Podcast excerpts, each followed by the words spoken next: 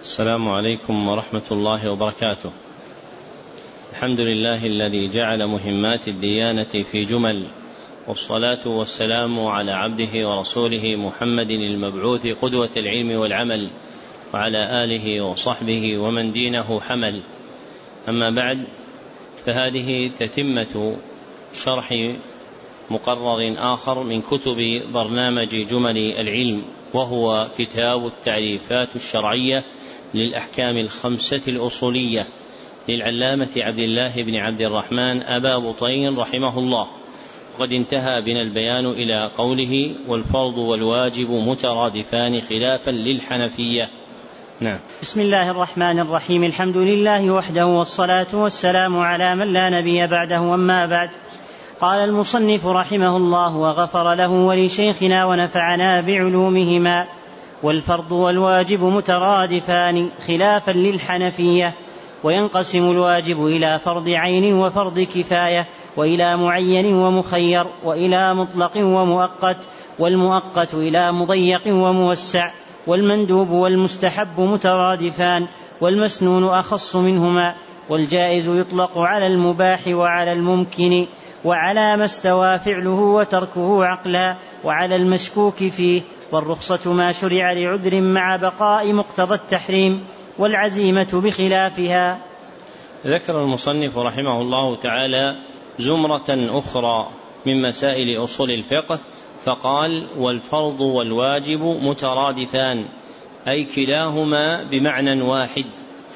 والترادف في لغة العرب قليل أو معدوم وهو في الخطاب الشرعي أولى بالعدمية فإن وقوع لفظين يشتركان في معنى واحد دون زيادة في أحدهما على الآخر لا يكاد يوجد في الخطاب الشرعي وأما في اللغة فإن قيل به فهو قليل ولا تكاد تجد ألفاظا دل بها على حقيقة واحدة إلا وفيها من المعاني المستكنة ما يزيد به كل واحد على غيره.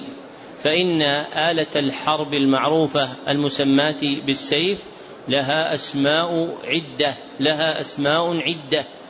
فهي تسمى مهندا وتسمى بتارا وتسمى حساما.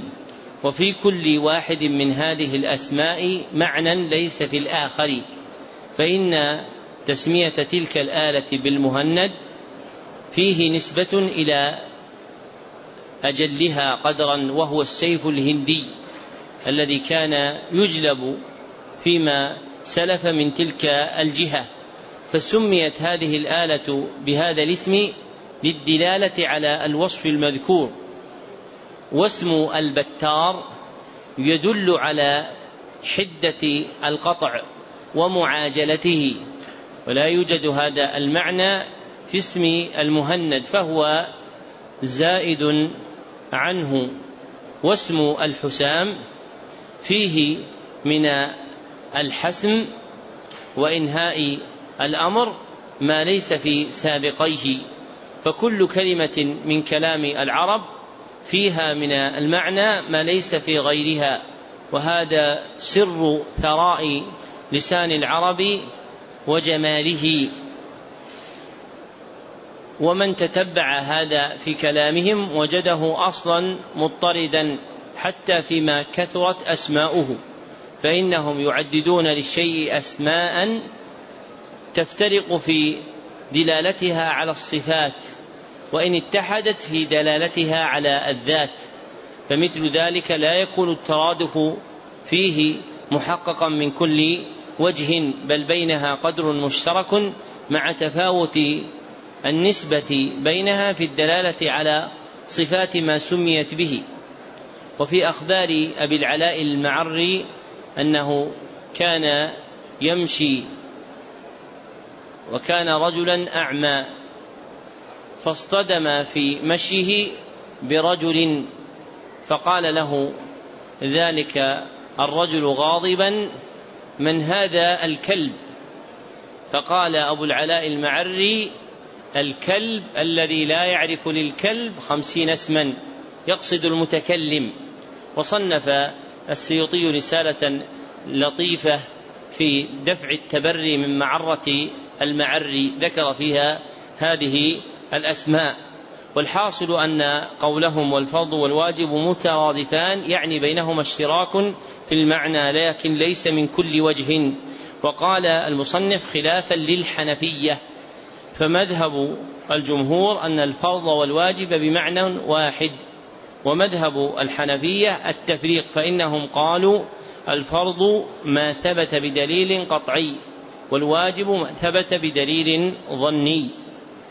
والصحيح أن الفرض والواجب من جهة دلالتهما على حكم الشرع مترادفان لكن من جهة قوته مختلفان. فباعتبار حكم الشرع فإنهما معا يقتضيان طلب الفعل اقتضاء لازما.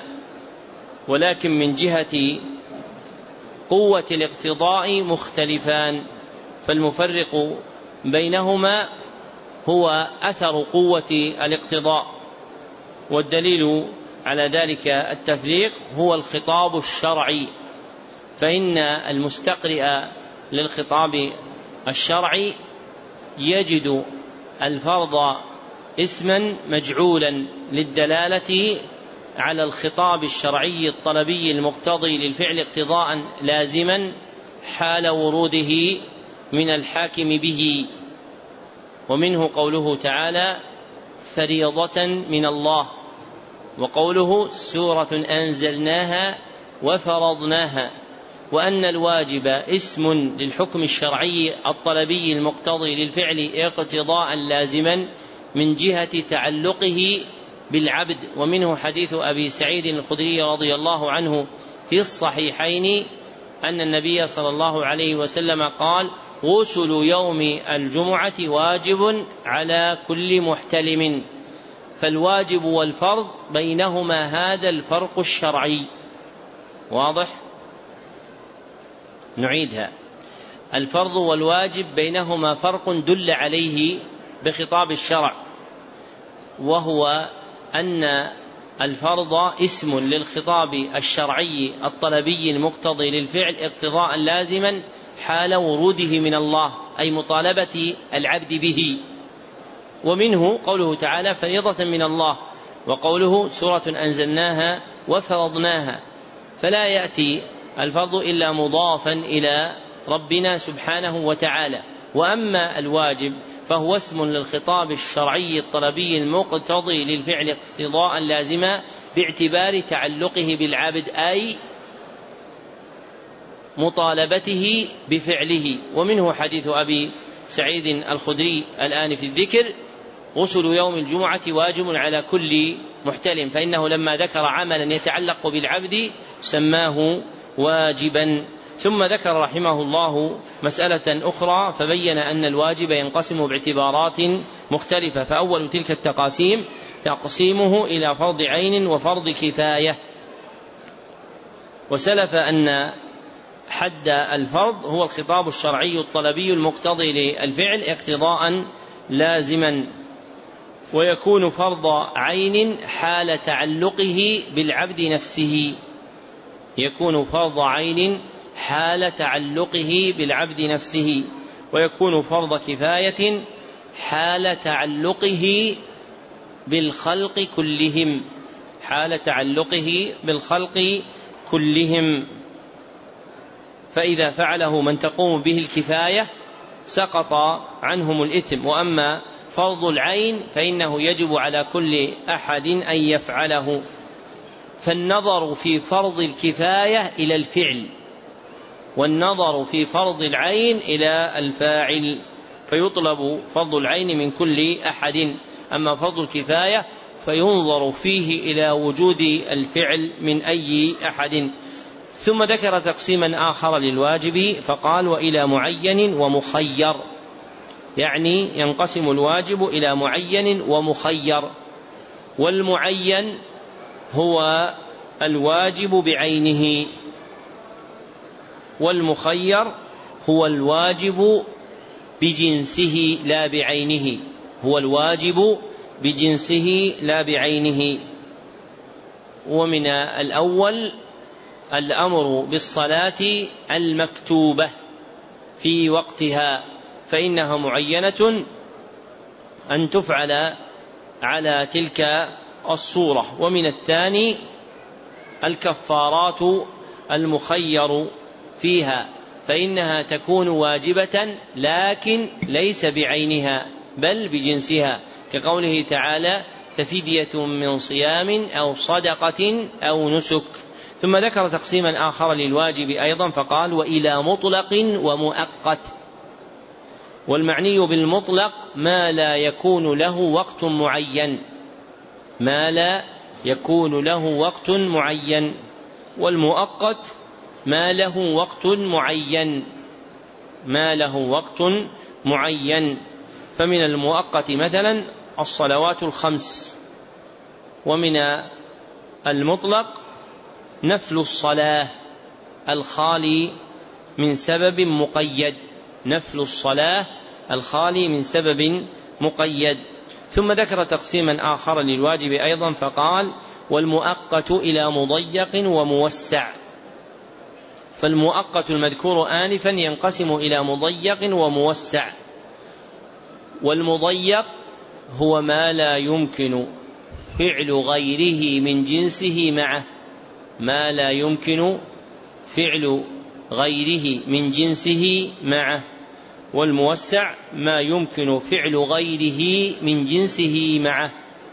ما يمكن فعل غيره من جنسه معه. فمن الأول صيام رمضان في شهره.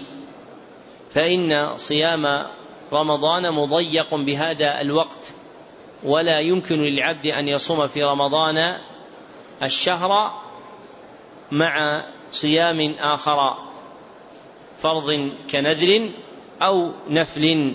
ومن الثاني الصلاة المكتوبة فإن وقتها يسعها ومثلها معها. فإن الإنسان يصلي مع الفرض نافلة راتبة لها أو إذا دخل المسجد صلى في وقتها ركعتي المسجد فالوقت يسعها ويسع غيرها من جنسها.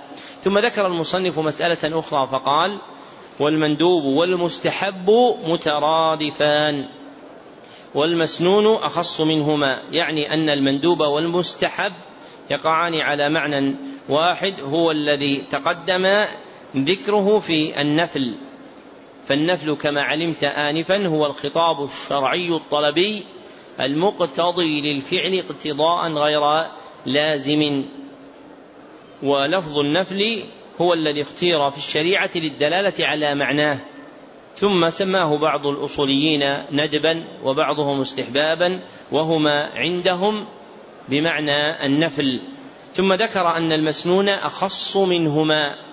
أي أخص من المندوب والمستحب لأن من الفقهاء والأصوليين من يخص اسم السنة بما جاء فيه دليل خاص عن النبي صلى الله عليه وسلم فمن فعله متابعة سمي فعله سنة وأما إن كان مندرجا تحت أصل عام مقتض للفعل اقتضاء غير لازم فإنه يسمى نفلا في الشرع أو مستحبا أو ندبا عند من ذكر هذين اللفظين. ثم ذكر المصنف أن الجائز يطلق على المباح وعلى الممكن وعلى ما استوى فعله وتركه عقلا وعلى المشكوك فيه. فهذه المعاني الأربعة تطلق عند الأصوليين على اسم الجائز فالجائز يطلق على المباح وهو المخير بين فعله وتركه. فالجائز يطلق على المباح وهو المخير بين فعله وتركه. وعلى الممكن وهو الجائز وقوعه شرعا أو عقلا. وهو الجائز وقوعه شرعا أو عقلا إذ لا مانع منه. كاتصاف ربنا بصفات كماله فإن ذلك جائز شرعا وعقلا بل هو من كمال الرب سبحانه وتعالى الملازم له سبحانه وتعالى. ثم ذكر المعنى الثالث في قوله وعلى ما استوى فعله وتركه عقلا كفعل الصبي عند العقلاء. فإنه مستوي بالفعل والترك إذ لا معنى له لعدم العقل فيه. ثم ذكر آخرها فقال وعلى المشكوك فيه والمشكوك فيه عندهم ما تعارضت فيه أمارات الثبوت أو الانتفاء ما تعارضت فيه أمارات الثبوت أو الانتفاء والأمارات العلامات. فتكون له علامة تدل على ثبوته وتكون له علامة تدل على انتفائه. فما كان من هذا القبيل سمي مشكوكا فيه أي لا يقطع بحكمه بل يتوقف فيه. ومنه عند القائلين به القول في الأصل في الأشياء هل هو الحظر أو الإباحة أم الإباحة؟ فإن من المتوقفين فيه من جعله مشكوكا فيه فامتنع من القطع بالحكم عليه لتعارض أمارات الثبوت والانتفاء عنده فيهما ثبوتا وعدما. ثم ذكر مسألة أخرى فقال والرخصة ما شرع لعذر مع بقاء مقتضى التحريم يعني أن الحكم الشرعي خرج فيها من التحريم إلى التحليل لعذر موجب له. مع بقاء مقتضى التحريم أي استمرار الحكم كذلك لولا عروض العذر. وأحسن من هذا أن يقال الرخصة وصف الحكم الشرعي الثابت وصف الحكم الشرعي الثابت لعذر على خلاف دليل شرعي باق. وصف الحكم الشرعي الثابت لعذر على خلاف دليل شرعي باق.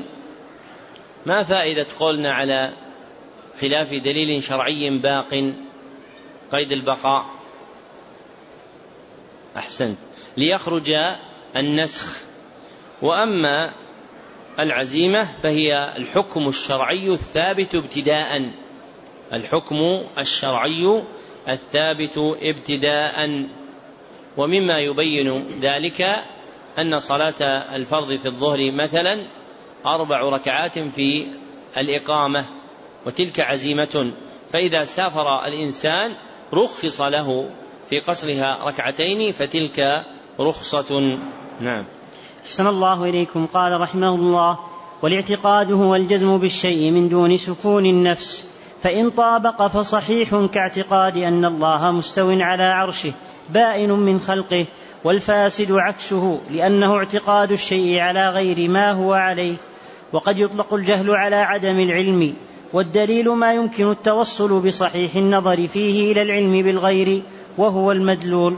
وأما ما يحصل عنده الظن فهو ما قد يسمى دليلا توسعا والأصل ما ينبني عليه غيره والفرع عكسه والفقه معرفة الأحكام الشرعية التي طريقها الاجتهاد والمسنون ما لازمه النبي صلى الله عليه وسلم أو أمر به مع بيان كونه غير واجب. وقد تطلق السنة على الواجب نحو عشر من السنة. ذكر المصنف رحمه الله زمرة أخرى من مسائل أصول الفقه فقال والإعتقاد هو الجزم بالشيء من دون سكون النفس وهو الذي يذكره علماء العقليات بقولهم إدراك الشيء إدراكا مجزوما به قابلا للتغير. إدراك الشيء إدراكا مجزوما به قابلا للتغير. والفرقان عندهم بين الاعتقاد والعلم أن العلم لا يقبل التغير. أما الاعتقاد فإنه يقبله فهما مشتركان في كونهما إدراكا مجزوما به ويفترقان فيما ذكر آنفا. وهذا معنى قول المصنف من دون سكون النفس لقابليته للتغير. وهذا المعنى المذكور للاعتقاد إنما هو الاعتقاد المبني على النظر في الأدلة الكونية على قول القائلين من المخالفين من أهل القبلة إن أول واجب على العبد هو النظر أو القصد إليه أو الشك. ومرادهم بالنظر النظر في الأدلة الكونية. فمتى كان الاعتقاد مولدا من ذلك؟ كان قابلا للتغير.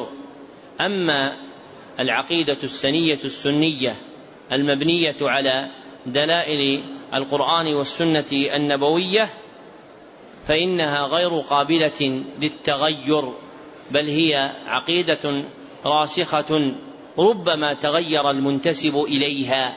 وأما هي فهي ثابتة بدلائلها المبينة.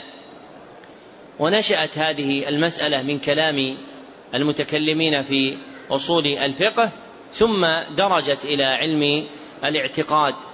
فأدخل هذا الحد في بعض الكتب المصنفة في العقيدة السلفية وهي من المسائل التي النار فيها تحت الرماد.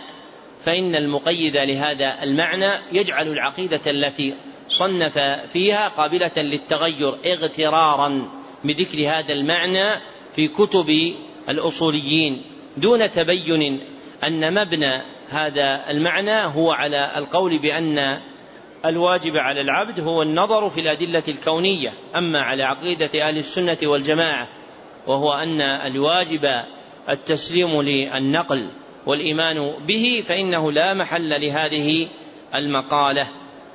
ثم ذكر رحمه الله تعالى أن الاعتقاد إن طابق فصحيح أي إذا طابق الدليل فصحيح كاعتقاد أن الله مستو على عرشه بائن من خلقه يعني منفصل عنهم غير مختلط بهم. وأن الفاسد عكسه لأنه اعتقاد الشيء على غير ما هو عليه فالاعتقاد نوعان. أحدهما اعتقاد صحيح والآخر اعتقاد باطل. وضابط الاعتقاد الصحيح هو كونه موافقا للحق في نفسه. هو كونه موافقا للحق في نفسه. ذكره ابن القيم في مفتاح دار السعادة. وموافقته الحق تعرف بطريق الشرع. والاعتقاد الفاسد هو الاعتقاد المخالف للشرع. ثم قال وقد يطلق الجهل على عدم العلم. فمن معاني الجهل عدم العلم وهو الذي يذكرونه بقولهم الجهل عدم الإدراك بالكلية فهذا يسمى جهلا. وفي الأدلة الشرعية وعرف وعرف السلف تسمية الشيء جهلا حال عدم العمل بالعلم فعدم العمل بالعلم وتركه يسمى جهلا وقد نقل أبو العالية الرياحي رحمه الله إجماع الصحابة على أن من عصى الله عز وجل فهو جاهل لأنه عمل على خلاف مقتضى العلم وأشار إلى هذا المعنى تأييدا أبو العباس بن تيمية الحفيد وتلميذه ابن القيم في إغاثة اللهفان. فالجهل يقع على معنيين أحدهما جهل حقيقي وهو المتضمن عدم الإدراك بالكلية أو إدراك الشيء على خلاف ما هو عليه أو إدراك الشيء على خلاف ما هو عليه. والآخر جهل حكمي لعدم امتثال مقتضى الإدراك لعدم امتثال مقتضى الإدراك. وفي جعل الجهل الواقع على خلاف ما هو عليه الأمر. جهلا نظر والصواب أنه تخييل لا حقيقة له.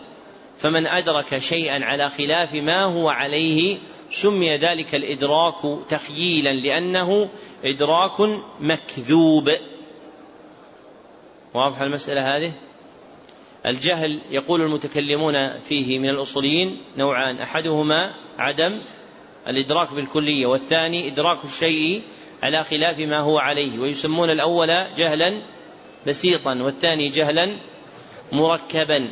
والصحيح أن الثاني ليس جهلا في الخطاب الشرعي بل هو تخييل إذ لا حقيقة له فهو إدراك مكذوب متوهم لا وجود له.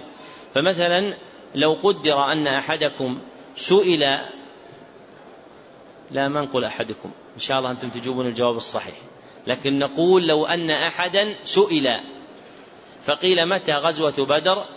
فقال لا أدري فإن جهله جهل بسيط فإن قال في السنة الثامنة فإن إدراكه له وجود أم لا وجود له على الحقيقة؟ لا وجود. له لأن بدرا لم تقع في السنة الثامنة فهو إدراك متوهم مظنون مكذوب كذب به على نفسه ثم أبداه لغيره. وهذا في الخطاب الشرعي يسمى تخييلا. فالمختار أن الجهل يقسم إلى النوعين السابقين الحقيقي وهو إدراك وهو عدم الإدراك والحكمي وهو ترك العمل بمقتضى الإدراك ووراءه نوع منفصل عنه وهو التخييل وهو إدراك الشيء على خلاف ما هو عليه. ووراء ذلك بقية أنواع الإدراك المذكورة عند علماء العقليات. ثم ذكر المصنف رحمه الله مسألة أخرى فقال والدليل ما يمكن التوصل بصحيح النظر فيه إلى العلم بالغير وهو المدلول. فيمكن التوصل بصحيح النظر فيه إلى مطلوب خبري. ثم قال وأما ما يحصل عنده الظن فهو ما قد يسمى دليلا توسعا. فالدليل عندهم نوعان أحدهما دليل حقيقي وهو ما يمكن التوصل بصحيح النظر فيه إلى مطلوب خبري. ما يمكن التوصل بصحيح النظر فيه إلى مطلوب خبري. والآخر دليل حكمي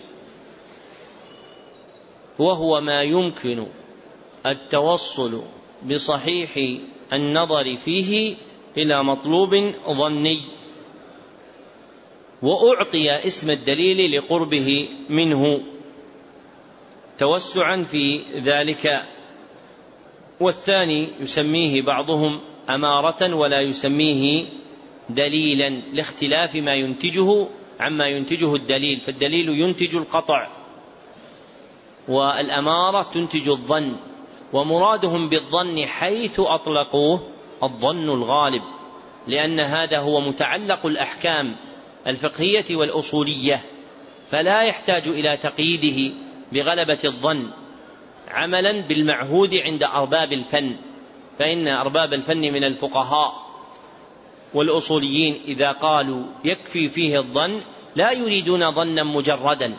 لأن الظن المجرد مطرح وإنما يريدون ظنا غالبا محكوما به وملاحظة ومراعاة مقاصد أهل الفنون تدفع التوهم والإيهام. ثم ذكر المصنف رحمه الله تعالى أن المسنون ما لازمه النبي صلى الله عليه وسلم أو أمر به مع بيان كونه غير واجب وهذا يرجع إلى المعنى المتقدم فإن النفل والندب والمستحب والسنة كلها بمعنى واحد ولكن السنة تدل على معنى أوثق فيما أمر به على وجه الاقتضاء اقتضاء غير لازم فيكون ثابتا عن النبي صلى الله عليه وسلم بدليل خاص.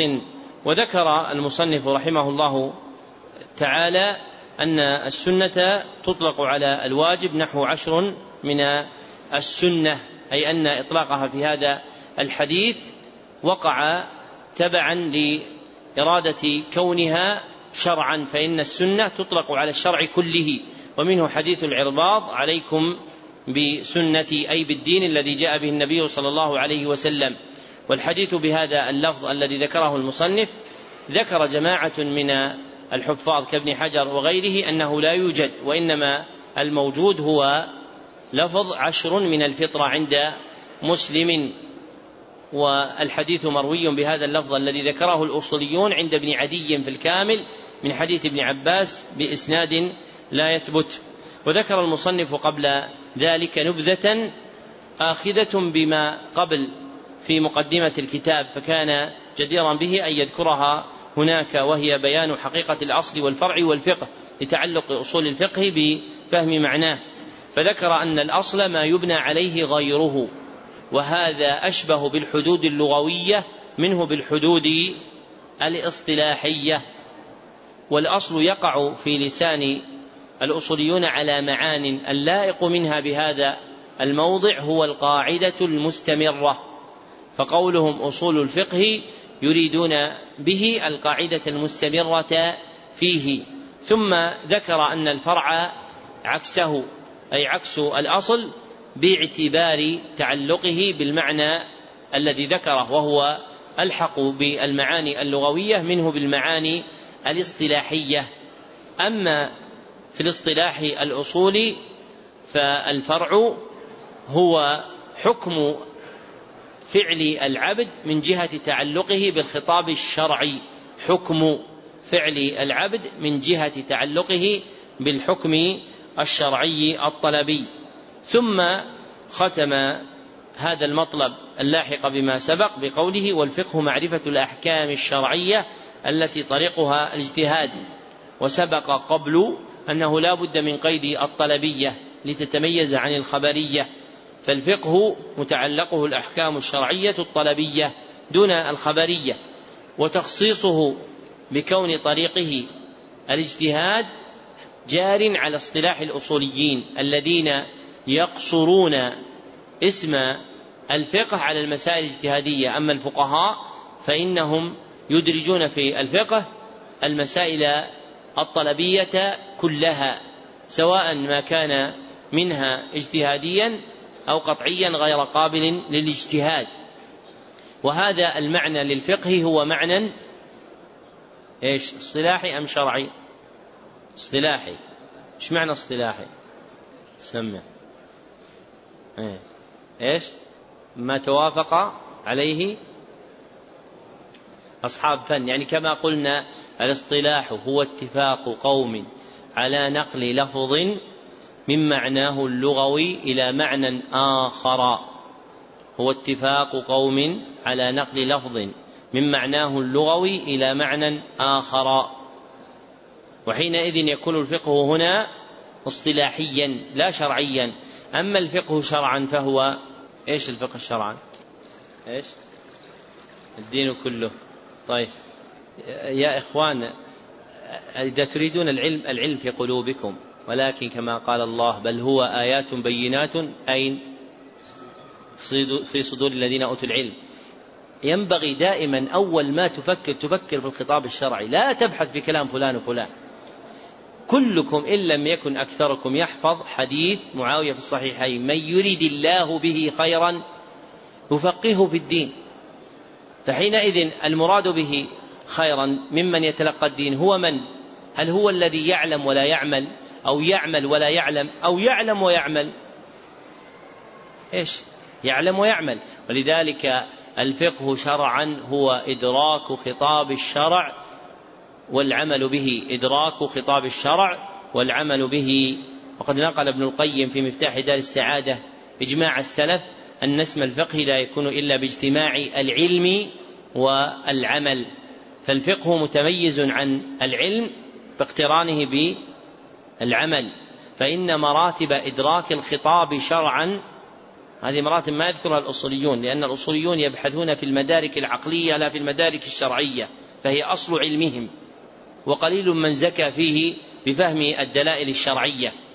فمدارك الخطاب الشرعي ثلاثة أولها العلم وثانيها الفقه وثالثها التأويل. ذكرها ابن القيم في مفتاح دار السعادة وابن سعدي في مجموع الفوائد. فالعلم شرعا هو إيش؟ إدراك خطاب الشرع. والفقه شرعا هو إدراك خطاب الشرع والعمل به. والتأويل شرعا أحسن هو إدراك خطاب الشرع والعمل به مع معرفة ما تصير إليه الأمور مع معرفة ما تصير إليه الأمور وهي مترقية نسقا وفق المذكور. فهذه المراتب هي مراتب الإدراك الشرعي وهي التي ينبغي أن تكون وكد طالب العلم في تلمسها فيكون في أول أمره ملتمسا أن يدرك خطاب الشرع. فمتى حصل له من الإدراك شيء بادر بالعمل به حتى يرزق الفقه؟ فإذا بيئ في منزلة الفقه فينبغي له أن يجتهد في سؤال الله عز وجل أن يرزقه معرفة التأويل وهي معرفة ما تصير إليه الأمور. وهذه المرتبة الثالثة هي التي يتفاوت فيها الخلق. فإن العلماء في الناس كثير ولكن أهل التأويل منهم وفق المعاني الشرعية لهذه الألفاظ قليل. فإن البصيرة النافذة والعقل الكامل لا يتهيأ بمجرد معرفة خطاب الشرع وإنما يتهيأ مع زكاة النفس وطهارتها. فلا يحدث للمرء هذه الحال وتبوء هذه المرتبة إلا بدوام المجاهدة للنفس وحملها على الحق بالحق. فمتى جاهد الإنسان نفسه في ذلك؟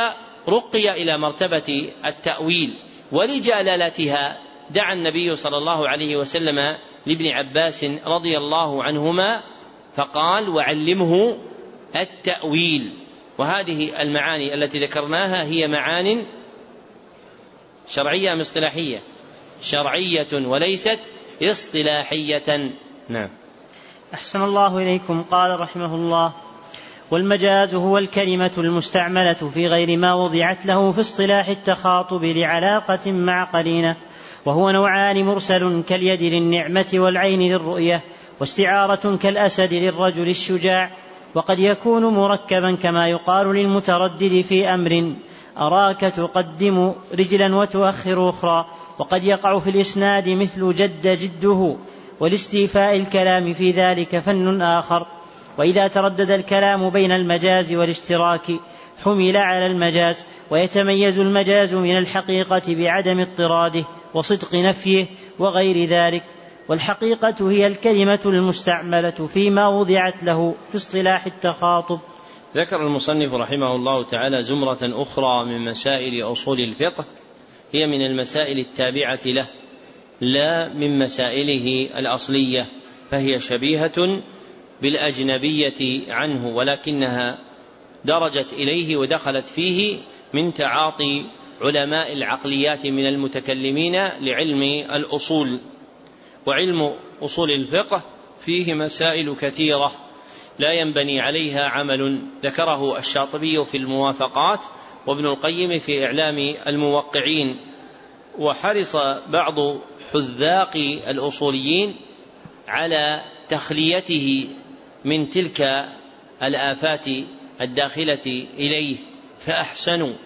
كابن عاصم الغرناطي تلميذ الشاطبي صاحب مرتقى الوصول فهو القائل فيها حاشيتها من لغة ومنطق حرصا على إيضاح أهدى الطرق فهذه المسائل التابعة لمسائل أصول الفقه أجنبية عن أصول الفقه لكن احتيج إليها لاندراجها في علوم أهله.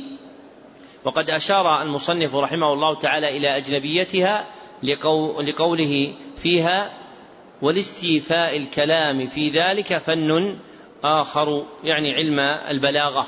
وكان مما ذكره من المسائل قوله والمجاز هو الكلمة المستعملة في غير ما وضعت له في اصطلاح التخاطب لعلاقة مع قرينة واصطلاح التخاطب يسمى عندهم بلسان المخاطبة وهو ثلاثة أنواع. أحدها لسان المخاطبة اللغوية وثانيها لسان المخاطبة الشرعية وثالثها لسان المخاطبة العرفية لسان المخاطبة العرفية. ومنه نتج عندهم ما يسمى بالحقيقة الشرعية والحقيقة العرفية والحقيقة اللغوية. وإذا استعمل اللفظ في غير ما اصطلح عليه في لسان المخاطبة سمي مجازا. فالمجاز اصطلاحا هو ما استعمل في غير ما اصطلح عليه في لسان المخاطبة وما استعمل فيما اصطلح عليه في غير ما اصطلح عليه في لسان المخاطبة. وموجب ذلك عندهم قرينة دل عليها بالعلاقة.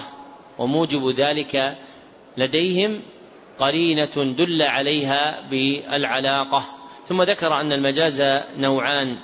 أحدهما مجاز مرسل كاليد للنعمة والعين للرؤية والثاني مجاز استعارة كالأسد للرجل الشجاع.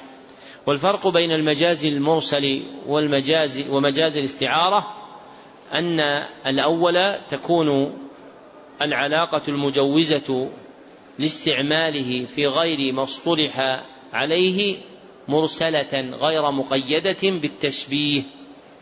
تكون العلاقة المجوزة لاستعماله في غير ما اصطلح عليه مرسلة أي مطلقة غير مقيدة بالتشبيه. وأما في مجاز الاستعارة فإنها تكون مقيدة بالتشبيه. ثم قال وقد يكون يعني المجاز مركبا. والمركب مقابل المفرد ويريدون به مجاز المعنى. فيكون مجازا باعتبار معناه. كما يقال للمتردد في أمر أراك تقدم رجلا وتؤخر أخرى فهو مجاز باعتبار المعنى لا باعتبار اللفظ. ثم قال وقد يقع في الإسناد مثل جد جده فيقع في إسناد الفعل إلى غير فاعله على الحقيقة فليس الجد الذي جد وإنما الذي جد فاعله الذي أضيف إليه ومنه عند العرب قولهم رعينا المطر يريدون رعينا العشب الذي أنزل الذي نبت بإنزال المطر ويسمى هذا مجازا عقليا ويسمى هذا مجازا عقليا ولاستيفاء الكلام عليه فن آخر هو علم البلاغة. ثم قال المصنف وإذا تردد الكلام بين المجاز والاشتراك حمل على المجاز. وسلف أن المجاز هو ما استعمل في غير لسان في غير ما اصطلح عليه في لسان المخاطبة. ما استعمل في غير ما اصطلح عليه في لسان المخاطبة. وأما المشترك فهو اللفظ الموضوع للدلالة على معان عدة. اللفظ الموضوع للدلالة على معان عدة. كالعين فهو اسم للآلة الباصرة أي آلة البصر. واسم للنقدين الذهب والفضة. واسم لينبوع الماء فكلها تسمى عينا وهذا يسمى مشتركا. ومن قواعد الأصوليين ما ذكره المصنف هنا بقوله إذا تردد الكلام بين المجاز والاشتراك حمل على المجاز. لأن المجاز يمكن العمل به أما المشترك فلا يمكن العمل به إلا بعد القطع بالمراد به من المعاني فقد يكون المراد هذا المعنى وقد يكون معناه الآخر وقد يكون معنى ثالثا ليس هذا ولا ذاك. ثم قال ويتميز المجاز من الحقيقة بعدم اضطراده أي بأن لا يوجد في جميع الأفراد. وصدق نفيه فيصح أن تنفيه. فإذا قلت فلان أسد فإن هذه الأسدية المذكورة لا توجد في بقية الأفراد من الخلق. ولو قال قائل إن فلانا ليس بأسد أمكن صحة نفيه. وليس المقصود بصحة نفيه هو إرادة عدم كونه حيوانا مفترسا بل نفي الشجاعة عنه. ثم قال والحقيقة هي الكلمة المستعملة فيما وضعت له في اصطلاح التخاطب أي ما استعمل في محله من لسان التخاطب ما استعمل في محله فيما اصطلح عليه يعني في محله في لسان التخاطب. نعم. أحسن الله إليكم. قال رحمه الله والتأويل صرف اللفظ عن حقيقته إلى مجازه أو قصره على بعض مدلولاته لقرينة به اقتضتها وقد يكون قريبا فيكفي فيه أدنى مرجح أو بعيدا فيحتاج إلى الأقوى ومتعسفا فلا يقبل.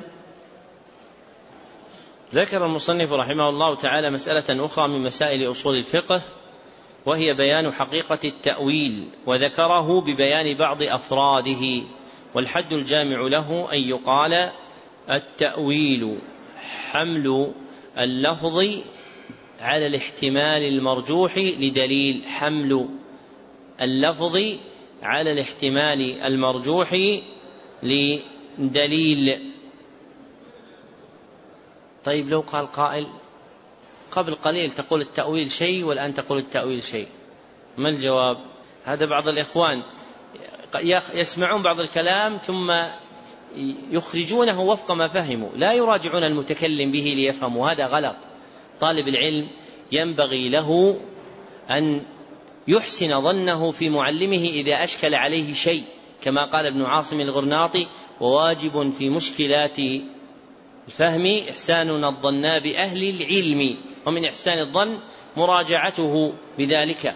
فلربما لو ترك التنبيه على ذلك قيل إن الدرس جاء فيه تناقض بذكر معنيين للتأويل.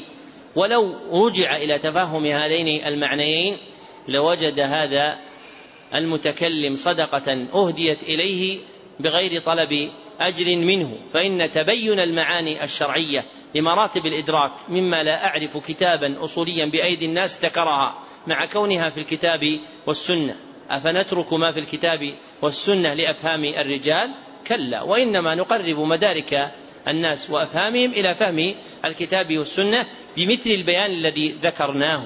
وتفسيره في هذا المحل أن يقال إن التأويل الذي تقدم ذكره هو المراد شرعا وأن هذا التأويل المذكور في هذا المقام هو المراد اصطلاحا والتأويل المراد اصطلاحا لا يقبل إلا بما يدل عليه ولذلك قال المصنف لقرينة به اقتضتها أي لدليل دل عليه فالتأويل لا يقبل إلا بدليل. ثم بين المصنف أن التأويل على مراتب فقال وقد يكون قريبا يعني قريب المأخذ إلى المعنى المرجوح.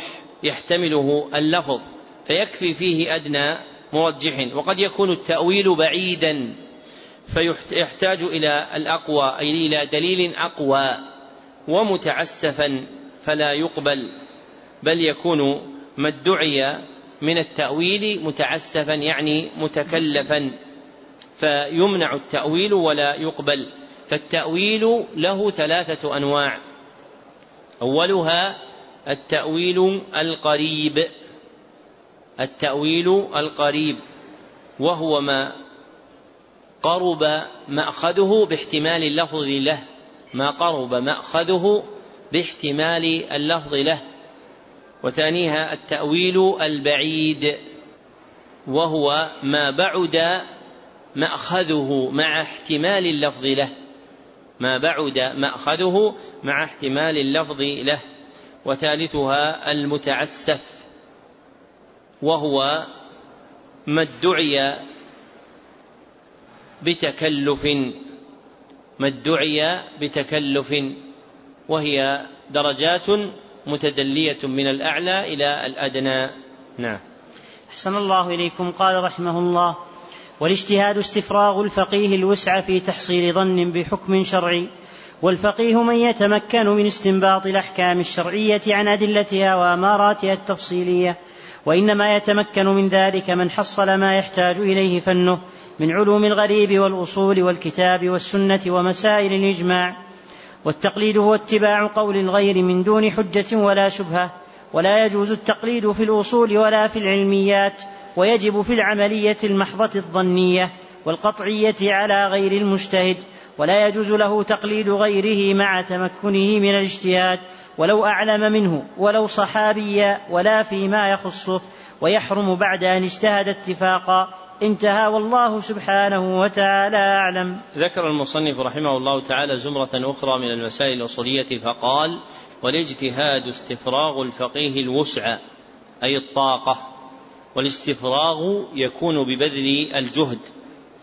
فالاجتهاد اصطلاحا هو بذل الجهد في تحصيل ظن بحكم شرعي هو بذل الجهد في تحصيل ظن بحكم شرعي ومتعلقه عند الفقهاء الأحكام الشرعية الطلبية. ثم قال والفقيه من يتمكن من استنباط الأحكام الشرعية عن أدلتها وأماراتها التفصيلية وهذا على اصطلاح الأصوليين. أما على اصطلاح الفقهاء الذين يرون أن المسائل غير الاجتهادية غير الاجتهادية تندرج في حقيقة الفقه فلا يقيدونها بقولهم عن أدلتها وأماراتها التفصيلية. بل يدخلون في الفقه الاجتهادية وغير الاجتهادي. فالفقيه عند الفقهاء من يتمكن من معرفة الأحكام الشرعية الطلبية. من يتمكن من معرفة الأحكام الشرعية الطلبية. أما عند الأصوليين فلا بد من تقييد معرفته بالمسائل الاجتهادية. فلا بد من تقييد معرفته بالمسائل الاجتهادية. ثم قال وإنما يتمكن من ذلك من حصل ما يحتاج ما يحتاج إليه فنه من علوم الغريب إلى آخر ما قال. فلا يكون المرء فقيها مجتهدا حتى يتمكن من تحصيل ما يحتاج إليه فنه يعني فن الفقه. والتقييد بالحاجة قيد حسن لأن ما لا يحتاج إليه في علم الفقه لا يجب على الفقيه أن يوغل فيه.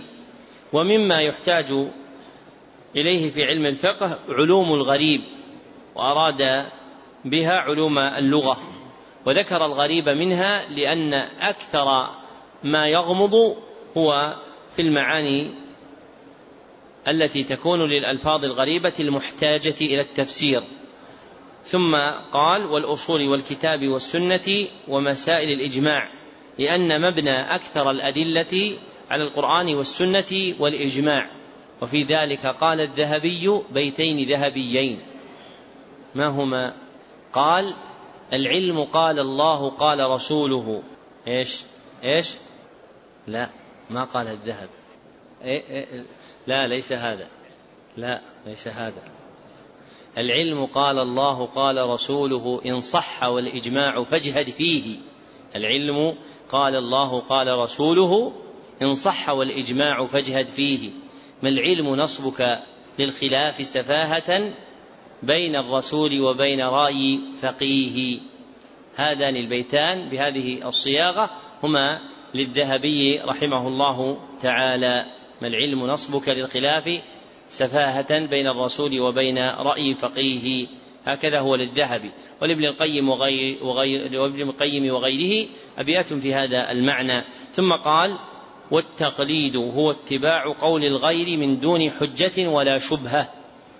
وعلى هذا يدخل في ذلك اتباع قول النبي صلى الله عليه وسلم لأنه يندرج في اتباع الغير. فمن الأصوليين من زعم أن اتباع الرسول صلى الله عليه وسلم دون معرفة دليله هو تقليد وذلك غلط منهم.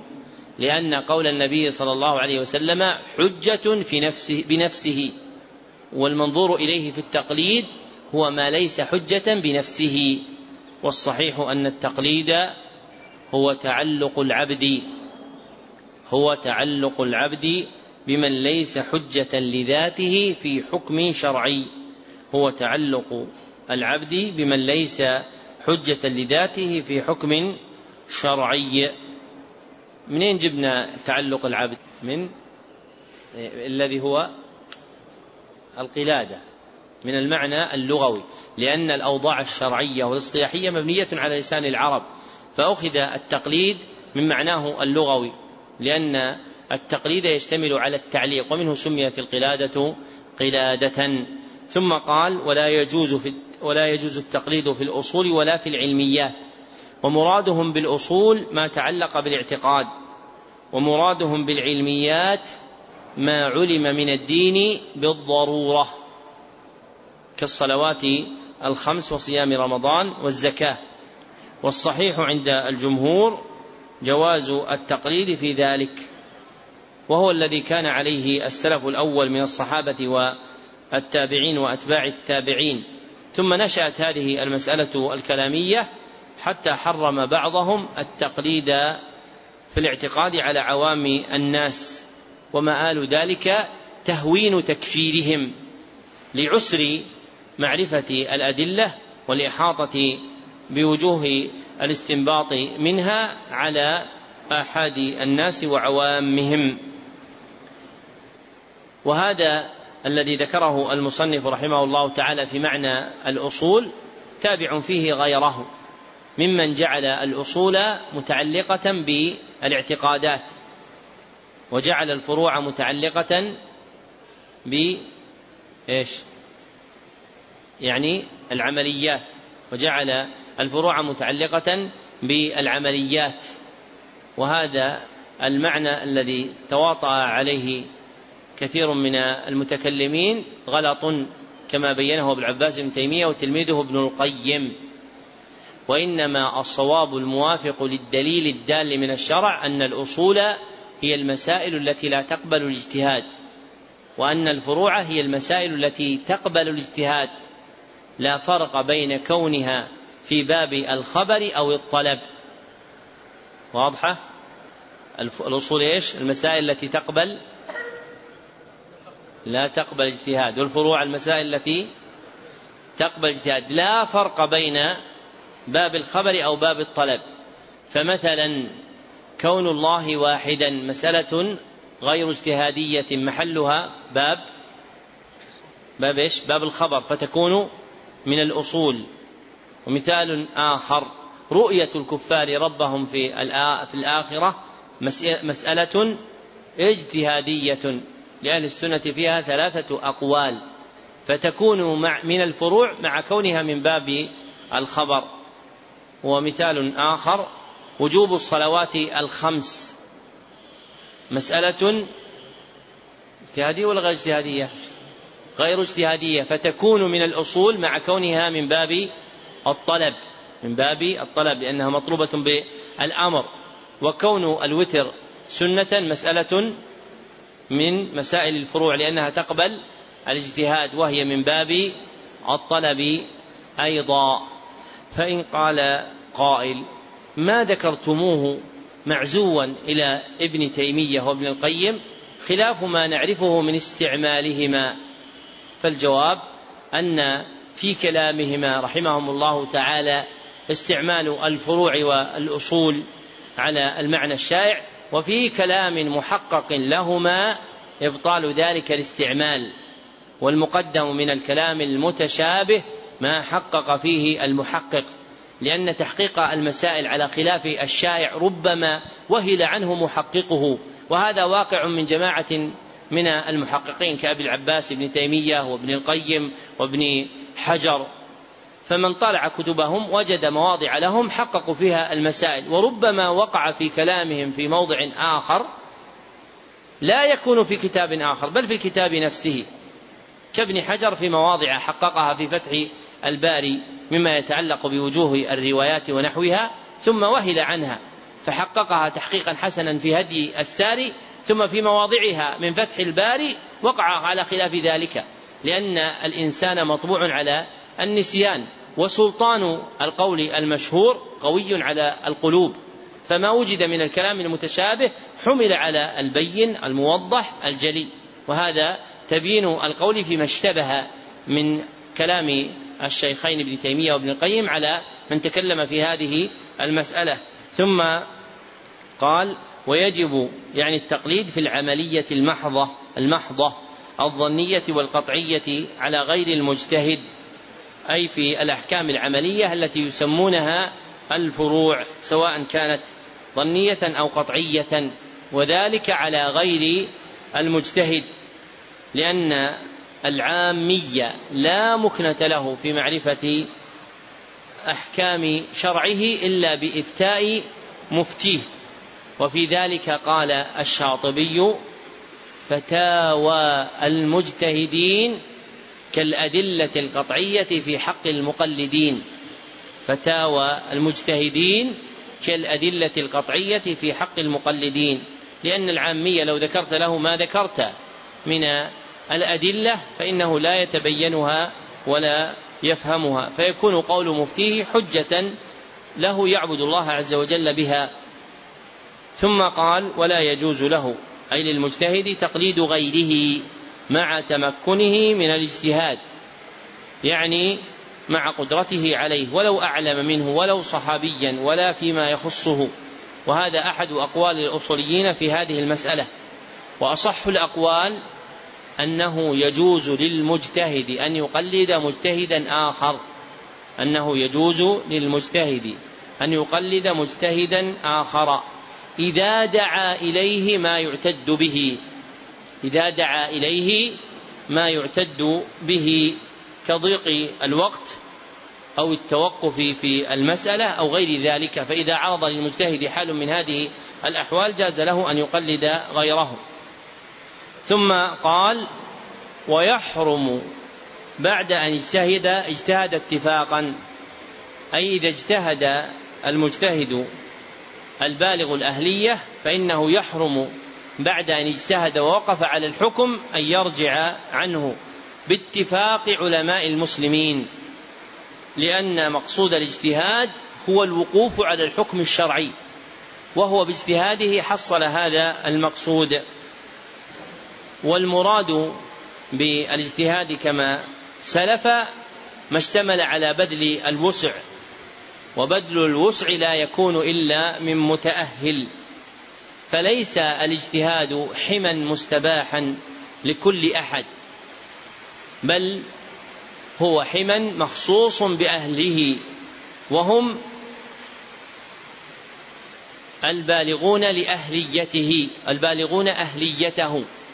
أما من يجري منه شيء على خلاف المأمور به فلا يقال في إعذاره إنه مجتهد بل هذا إسفاف للمعنى المعظم شرعا واصطلاحا وهو الاجتهاد وإنما يقال فيما جرى في هذا المقام إنه مريد للخير ولا يقال إنه مجتهد وفي دلائله ما رواه الدارمي وغيره بسند صحيح. أن ابن مسعود قال كم من مريد للخير لن يصيبه.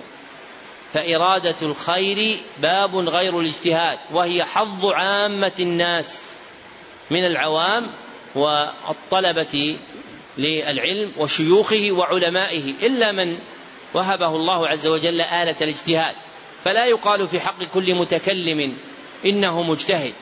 بل المجتهد هو الذي يملك الأهلية أي القدرة بحدودها المعروفة في كلام المتكلمين في حد الاجتهاد عند الأصوليين والفقهاء. واضحة هذه المسألة؟ واضحة؟ يعني ما يأتي واحد ويقول والله فلان قال إن المرأة الكافرة إذا أسلمت تبقى تحت ولاية زوجها الكافر. ولا يفرق بينهما. ويقول في إعذاره إنه مجتهد. الاجتهاد لا يكون على خلاف القرآن والسنة والإجماع المنعقد. ولا يكون أيضا إلا من متأهل له آلة يجتهد بها. وأما أن كل متكلم في العلم يقال مجتهد فهذا إسفاف في حق الاجتهاد. وإنما إحسانا للظن به يقال إنه مريد للخير. أما بلوغه اجتهاد فبين الاجتهاد وبين مثل هذه المقالات مفاوز تنقطع دونها أعناق المطي يعني الإبل يعني الإبل السائرة إليها. وهذا آخر شرح هذه الجملة من الكتاب وبها يتم إقراء الكتاب على وجه مختصر مناسب للمقام. اكتبوا سماع الكتاب سمع علي جميع التعريفات الشرعية لمن كان سمع الجميع بقراءة غيره صاحبنا فلان ابن فلان. وتم له ذلك في كم؟ في مجلسين. تم له ذلك في مجلسين. وأجزت له روايته عني إجازة خاصة من معين لمعين في معين. واكتبوا تاريخ الليلة ليلة العاشر من دي من جمادى الآخرة سنة اثنتين وثلاثين بعد الأربعمائة والألف. كان بودي أن نشرع بعد هذا في ذوق الطلاب ولو قرأنا بعضه لكن الصوت المزعج يمنع من تمام الإفهام. فنرجئه إن شاء الله تعالى غدا بعد صلاة الفجر. وأنبه هنا إلى أمور مهمة. أحدها سيكون إن شاء الله تعالى غدا بعد درس الفجر بعد صلاة الفجر. درس نستكمل به بقية ما يحتاج إليه من هذه المتون.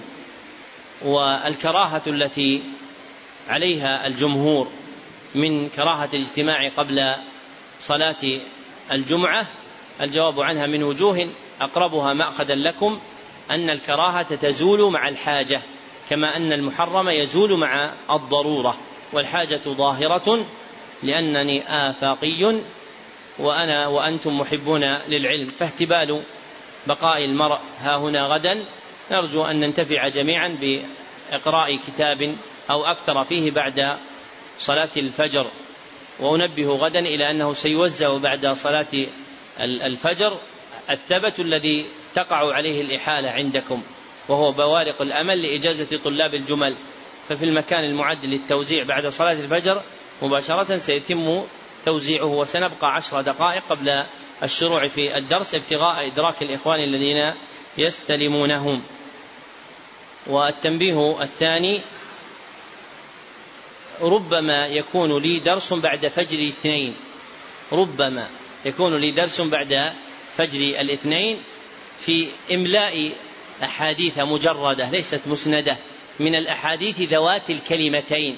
فإن بعض الأحبة التمس مني أن أجمع منها جملة فعسى أن أجد فسحة في الوقت فأجمعها وأمليها عليكم يوم الاثنين وننتخب منها أربعين حديثا إذا بلغت هذا العد. وتبلغه إن شاء الله تعالى.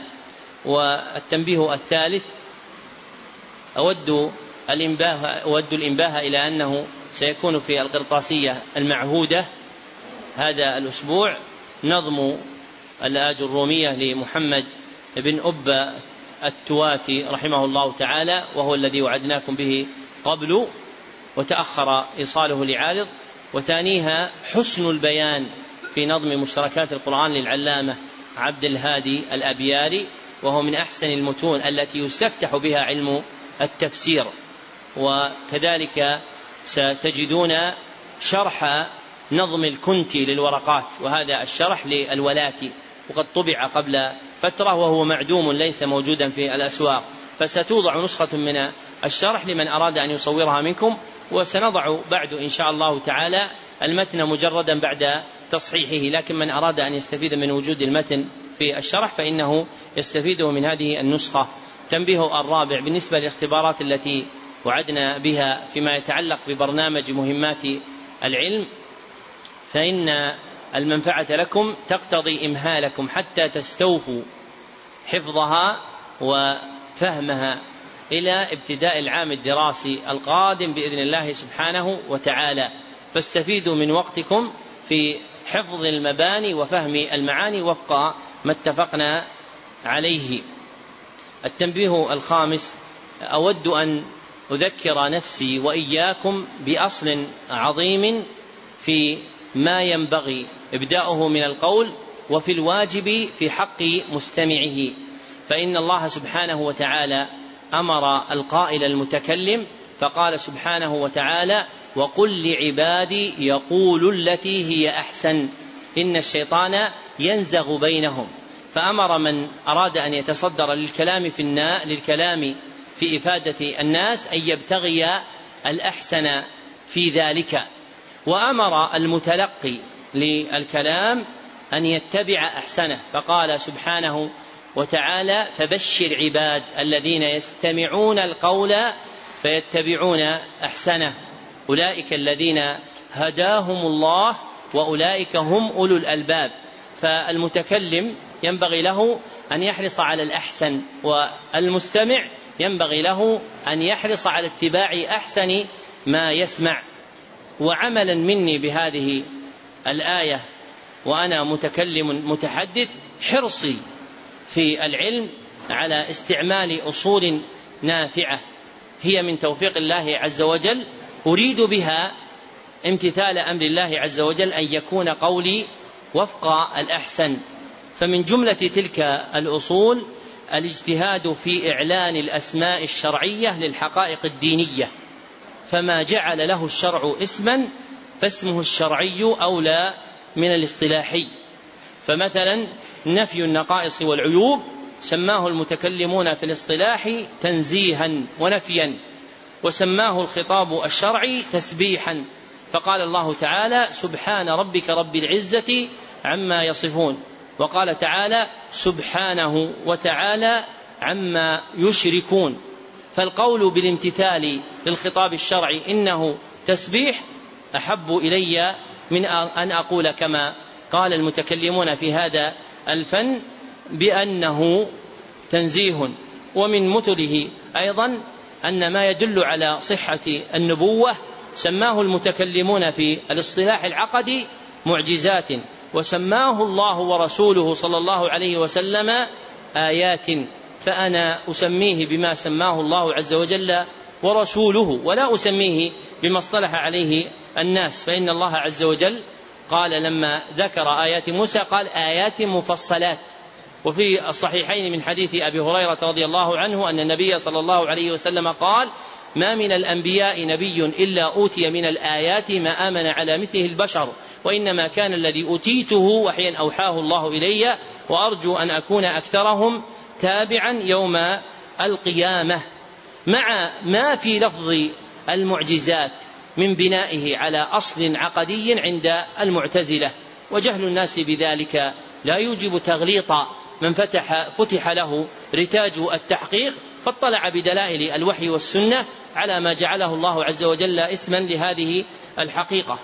ومثال ثالث مقام حفظ الأنبياء سماه المتكلمون في الاصطلاح العقلي عصمة وسماه الشرع صدقا فقال تعالى والذي جاء بالصدق وصدق به وقال تعالى في سورة ياسين وصدق المرسلون وأما لفظ العصمة فهو لفظ مولد ليس في الكتاب ولا في السنة ولا يدل على المعنى الذي جاء في الكتاب والسنة.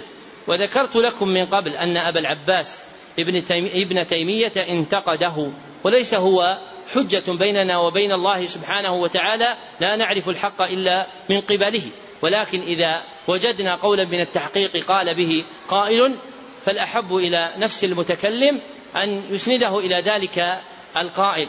فإنه قال رحمه الله تعالى في كتاب النبوات قال لكن لفظ الصادق وأن النبي صادق مصدوق نطق به القرآن وهو مدلول الآيات والبراهين ولفظ العصمة في القرآن جاء في قوله والله يعصمك من الناس أي من أذاهم.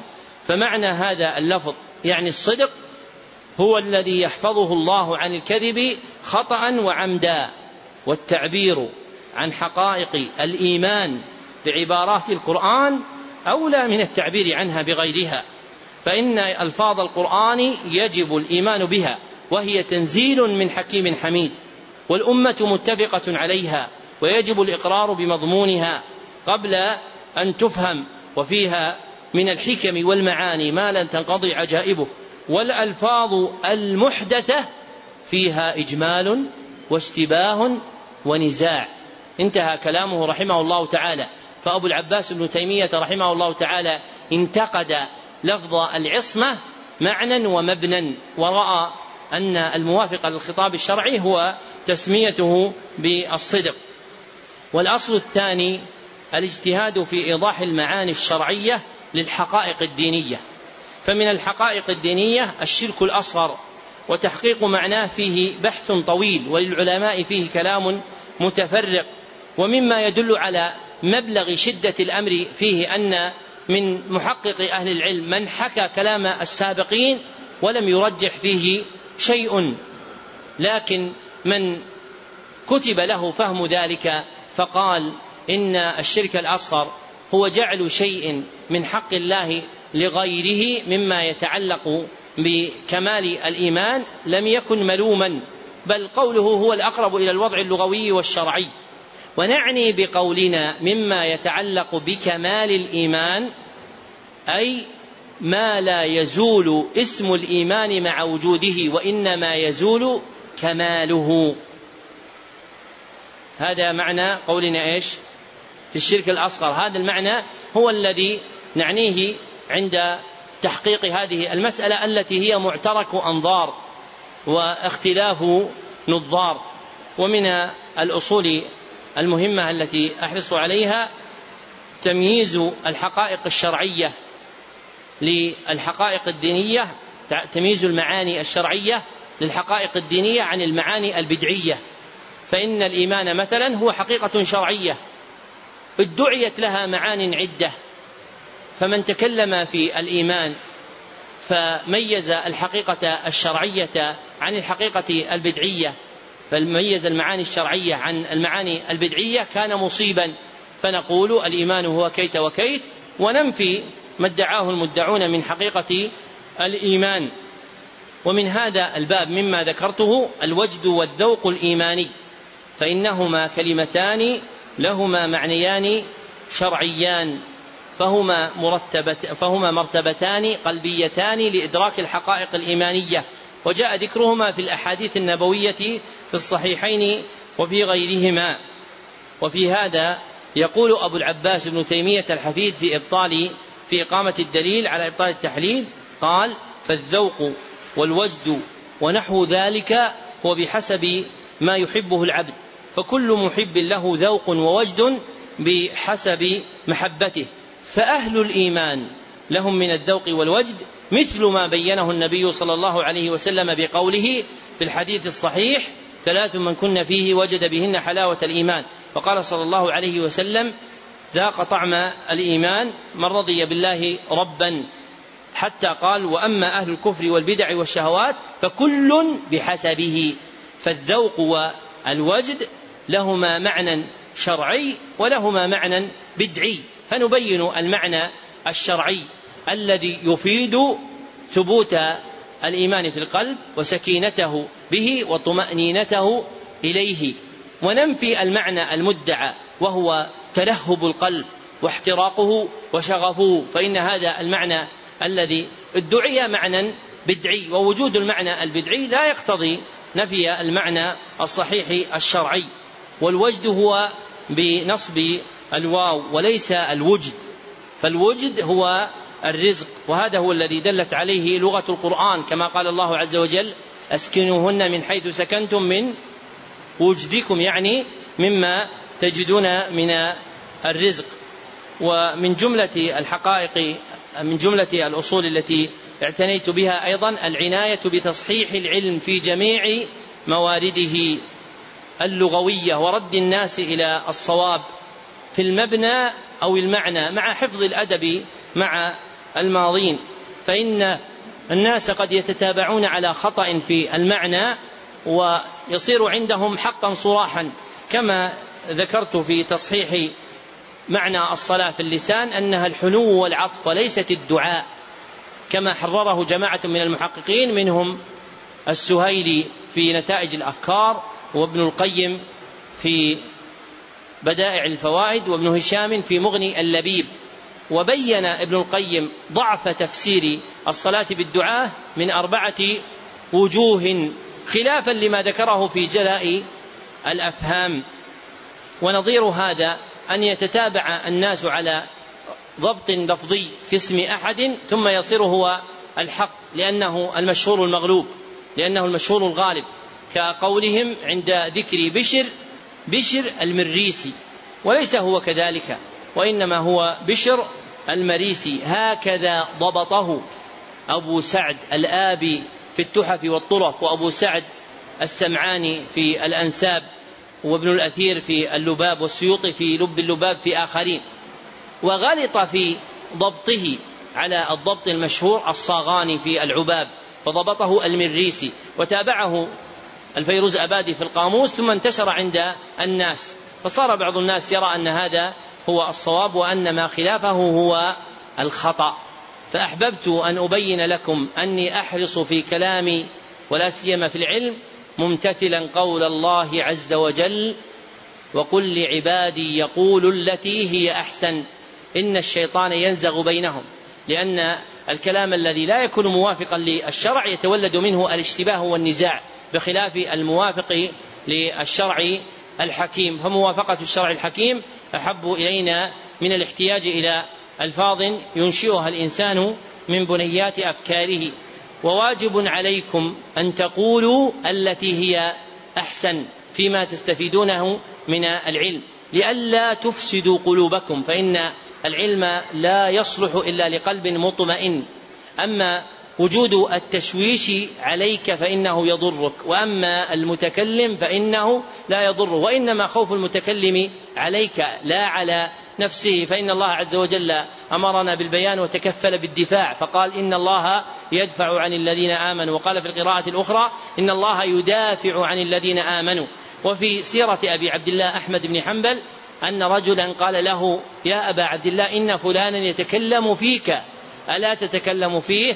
فقال له وكان ابنه عبد الله يا بني الله يكفي. فليس الحامل على هذا الكلام خوف شيء من الخلق. فإننا نبذل الخير ولا ننتظر جزاء ولا نخاف عقابا إلا من ربنا سبحانه وتعالى. ولكن المقصود الخوف من التشويش عليكم. فإن وجود النزاع بينكم في المعاني حتى بحسب الواحد منكم مما يفسد علمه وعقله. فإذا أشكل عليك شيء فراجع المتكلم بها. وإن المتكلم قد وطن نفسه تبعا لما جبله الله عز وجل عليه من أنه إنسان أنه لا يتبين له خطأه بحجة ظاهرة إلا جعل كلامه تحت قدميه لأنه ليس المقصود الارتفاع على الناس ولكن المقصود هو الارتفاع في الدرجات عند الله سبحانه وتعالى. فحرصا عليكم تكلمت بهذا الكلام ابتغاء سلوككم السبيل الأرشد في نفع أنفسكم بالعلم النافع. أسأله سبحانه وتعالى أن ينفعنا جميعا بالعلم النافع والعمل الصالح. بقي الأمر السادس والأخير وهو أن أحد الإخوان الملازمين للدرس التمس مني قبل مدة أن أسند له حديثا آخر سوى حديث الرحمة الذي سمعه مني أكثر من مرة فوعدته خيرا. ثم هيأ الله عز وجل أن أفي بوعدي هذه الليلة فأحببت أن أعمم إفادتكم به وهو من بابة سبقكم بها عكاشة فهو آخر من نجيب طلبه في هذا الباب. وإذا استمرينا في الدروس فبإذن الله عز وجل ستسمعون كثيرا من ذلك. وإجابة رغبته فقد عظمت العطية له بإسناد حديث من طريق أهل بلده. فأقول مستعينا بالله سبحانه وتعالى أخبرني عبد الرحمن بن عبد الحي الكتاني قراءة عليه وهو ممن دخل الجزائر. قال أخبرنا محمد بن محمد الديسي الجزائري إجازة عن محمد بن أبي القاسم الهاملي الجزائري إجازة عن علي بن عبد الرحمن بن محمد بن الحفاف الجزائري. حاء وأخبرنا عاليا درجة عبد الرحمن بن محمد الجيلالي. الجزائري إجازة قال أخبرنا أحمد بن محمد بوغندورة الجزائري عن علي بن عبد الرحمن بن محمد بن الحفاف الجزائري عن أبيه عن جده عن أحمد بن عمار بن عبد الرحمن بن عمار الجزائري عن محمد بن الهادي الجزائري عن عمار بن عبد الرحمن بن عمار الجزائري عن محمد بن محمد المقري الجزائري عن عمه سعيد بن أحمد المقري الجزائري عن محمد بن أحمد بن مرزوق الجزائري عن جده محمد بن أحمد بن مرزوق الجزائري قال حدثني أحمد ابن محمد الحلبي قال أنبأنا إبراهيم ابن صالح الحلبي قال أنبأنا يوسف ابن خليل الحلبي قال أخبرنا أحمد ابن محمد التيمي قال أخبرنا أبو علي الحداد قال حدثنا أبو نعيم قال حدثنا محمد بن أحمد ابن مخلد قال حدثنا عبد الله ابن أحمد الدورقي قال حدثنا إسحاق الفروي قال حدثنا مالك عن سهيل هو ابن أبي صالح عن أبيه عن أبي هريرة قال قال رسول الله صلى الله عليه وسلم من أقال مسلما عثرته أقاله الله يوم القيامة. هذا حديث أكثر رواته من الجزائر ورواه ورواه أبو داود وابن ماجه من وجه آخر من حديث الأعمش عن أبي صالح عن أبي هريرة وصححه جماعة منهم ابن دقيق العيد والبوصيري والألباني رحمهم الله تعالى. فإجابة لطلبه أسندت له هذا الحديث وإعظاما لرغبته فقد جعلته مسندا من طريق علماء بلاده. وبه نختم الأحاديث المسندة التي تطلب فنغلق هذا الباب لأن العلم أهم منها. لكن لأني وعدته وأكره أن أرد أحدا سألني منذ مدة فأحببت أن أجعله مسموعا لكم جميعا. وستكون منه نسخة في قرطاسية النور التي توضع فيها المذكرات. الأخ صلاح موجود؟ الذي طلب مني سم جزاك الله خير. هذا إسناد. جزاك الله خير. الله وفقك الله. وفق الجميع وفق الله الجميع ما يحب ويرضى. الحمد لله رب العالمين. صلى الله وسلم على عبده ورسوله محمد وآله وصحبه أجمعين.